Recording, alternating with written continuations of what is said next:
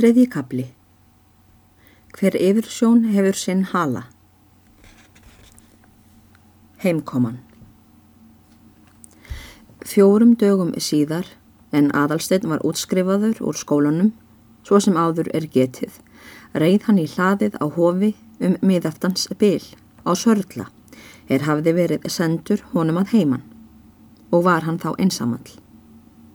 Hann sá engan mann úti við spretti af og slefti hestinum í hagan.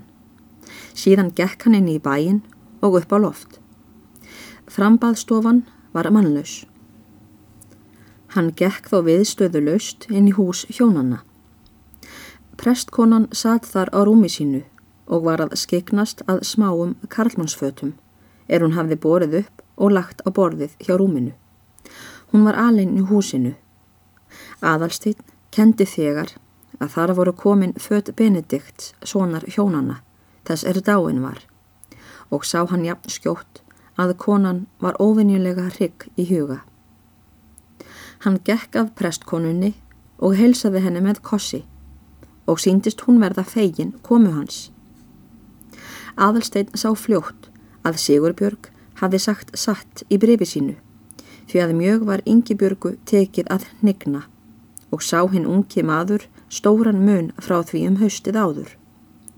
Andlitsdrættinir vottuðu þunga sorg og áhyggju. Hárið var orðið að lítilfjörlegum og óásjálegum leifum þess er fyrr hafði verið. Leifum sem hún naumast hirtu um að greiða. Augun síndust ekki geta grátið. Hún skoðaði þessi född, tók eitt af fætur öðru af borðinu og síndist helst aðgæta hvar þeim væri ábótofant. Gerði síðan við það sem bilað var með nál sem hún hjælt á og lagði svo þau fötinn hjá sér á rúmið, er hún hafði skoðað eða gert eitthvað að. Það mun meiga samfagna þér fyrir lokið burtfararpróf úr skólanum, sagði prestkonan til aðalsteins, þá er hann hafði hilsað henni og ætlaði hún að reyna að brosa um leið og hún mælti þessi orð en hún gata ekki brosað. Jú, svarar hann, það held ég. Svo þraut er nú á enda. Og tók hann sér um leið sæti á stól fyrir framann rúmið prestsins. Það er gott, meldi prestkonan og reyndi nú ekki framar að brosa. Ég verð fegin að fá þig heim mér til skemmtunar. Lífið er farið að verða nokkuð þungbært að mér finnst. Er maðurinn þar ekki heima? Indi aðalsteinn þessu næst. Nei, svarar hún. Hann er ekki heima. Hann var sóttur í dag til að skýra sjúkti barn. Síðan bætti hún við. Að minnstakosti veit ég ekki til að hann sé komin heim aftur. Hann er þó líka niðri í húsinu ef hann er komin. Og fólkið er heldur ekki við.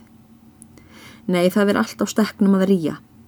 Það ætlaði að ljúka því af í kvöld. Það er annars von að þér þykir heimkoman nokkuð tómleg í þetta sinn steinu minn. Allt þetta talaði prestkonan reyndar hlýlega við aðalstein, en mjög alvarlega.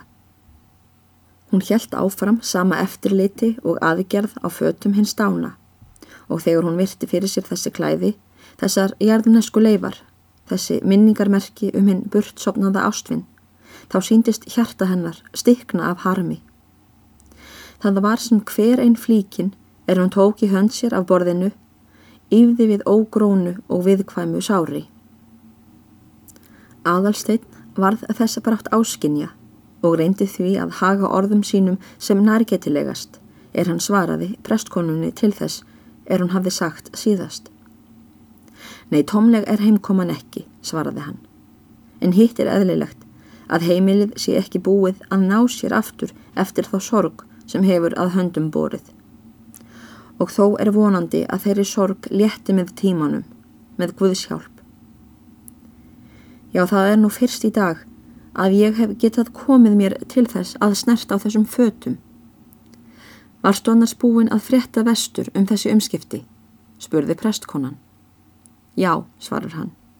Sigurbjörg á neðstabæ skrifaði mér það í brefi sem ég fekk um sumarmálinn. Hún tók sér það mjög nærri fyrir ykkar hönd.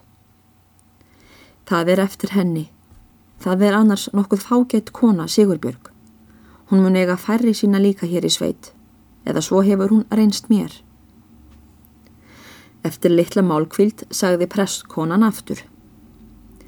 Þótti þér annars ekki þetta fráfall bera nokkuð sviplega að höndum? Jú, það mátti segja, ansaði aðalstein. Bæði sviplega og sorglega. Það var ekki furða þó þið fynduði til.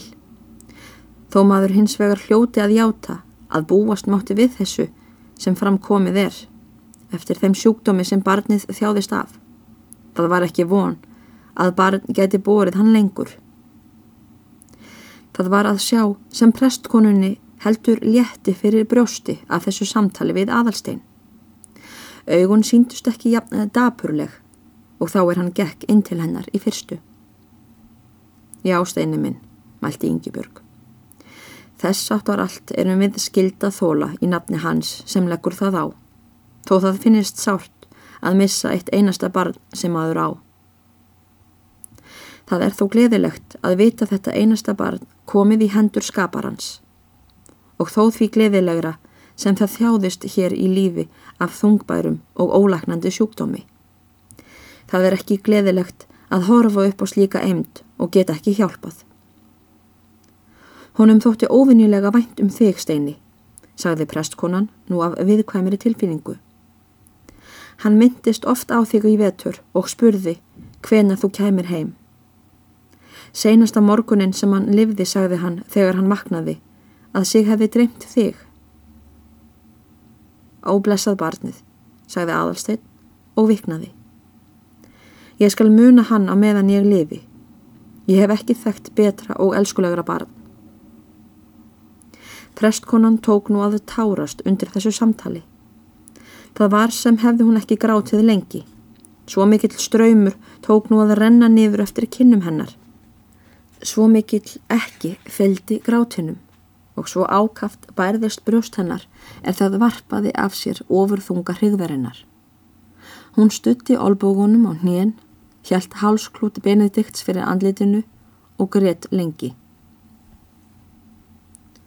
Það eru til stundir svo hátiðilegar að manni finnst að vera nokkur skonar vanhelgun að ljúka upp munni sínum til að tala eða að minnst og kosti finnst manni að öll mannleg orð sé ónág til að lýsa þeim tilfinningum er brjóstið er gagtekið á slíkum augnablikum. Svoliðis var fyrir aðalsteini í þetta skipti. Hann bar svo djúpa lotningu fyrir harmi móðurhjartans, fyrir þessari stund og stað að hann lauk ekki upp munni sínum til að tala. Meðan prestkonan jós tárunum út, meðan þessi steinþungi ströymur var að byltast fram svo sem áinn er stíplan er úr tekin. Á meðan satt aðalsteinn hljóður í sæti sínu, horði á umbrott náttúrukraftanna í mannlegu brjósti, horði á þessar aflraunir, þessar baráttu lífs og heljar og mælti ekki orð frá munni. Við þessi táraföll létti henni sorgbytnu móður óvinnilega mikið. Hún þerraði ásjónu sína með klútnum og nú sem aðalsteitt sá framann í hana aftur, virtust honum hún feguri en nokkru sinni áður. Augun skinu fagurt í rofi sorgar skíjana og báru keim af angurbliðri ró. Andlitið hafði fengið nýtt líf og litbragð í henni heilnæmi laug og varð yngibörgu það fyrst fyrir er hún hafði þerrað meginnið af tárunum af ásunu sinni að hún leitt framann í aðalstein brosandi. Hann hafði ekki síð hann að brosa fyrr síðan hann kom og mælti. Mikið barn er ég steinu minn en þó á ég þér að þakka að ég er nú miklu hressari náður. Það er hugsvalandi að geta grátið. Já, það er gleðilegt, svarar hann, að þér getið létt af yður hrigðinni. Ég vildi, ég mætti ætið sjá yfir svo ánægulega sem nú. Þegar Yngibjörg hafði þerrað andlit sitt, hjælt hún áfram merki sínu, miklu léttari í hug en áður. Hún tók nú þær flíkurnar sem eftir lágu á borðinu, skoðið þær og lagði síðan hjá sér á rúmið og voru þá þar komin öll klæði Benedikts í einni rúu. Þetta ætla ég nú að gefa einhverjum fátækum, sem með þarf og mér er vel við, segði prestkonan við aðalstein. Og hefur mér helst komið til hugar að senda henni Sigurbjörgu á neðstabæ þessi född, ef hún geti haft gagn af þeim. Því bæði á hún það skilið af mér fremur en nokkur annar og svo mun hún eiga full erfitt með að klæða börnin sín, eins og von er allan þann hóp. En ég er nú ekki svo kunnugsteinu minn að ég viti nú eða muni hvað aldrei barnana þar líður. En þú ert nú kunnugri. Ætli að einhver drengurinn sé ekki á því reki að hann geti haft gagn af þessum fötum. Jú, svarar hann. Það lætur vist nærri, bæði með bjarna og sigurð, að þeir geti haft gagn af þessum fötum. Einkum þó bjarni litli. Hann á nú að vera 11 ára eða komin á 12 og hann var einmitt á vöxt við Benedikt, sáluga en Siggi er nokkuð starri enda er hann árinu eldri. Jæja, það er gott steini. Það væri rétt, ég sendi það með þér ef þú skrippir einhver tíma upp að neðstabæ. Sem einmitt verður áður langt líður, sagði aðalstein. Sigurbjörg hefur beðið mig að koma til sín á afmælistægin minn, bætti hann við brosandi. Og þá skal ég reyða fötinn með mér. Á afmælistægin þinn sagði prestkonan og brosti við. Þá vil ég nú líka hafa þig. Ég þarf að breyta eitthvað svolítið til við þig í eitt skipti. Það hefur aldrei verið neyn mynd af því fyrir mér af undanförnu. Segji þér það ekki prestkona góð. Það hefur verið mynd á öllu sem þér hafið gert til mín.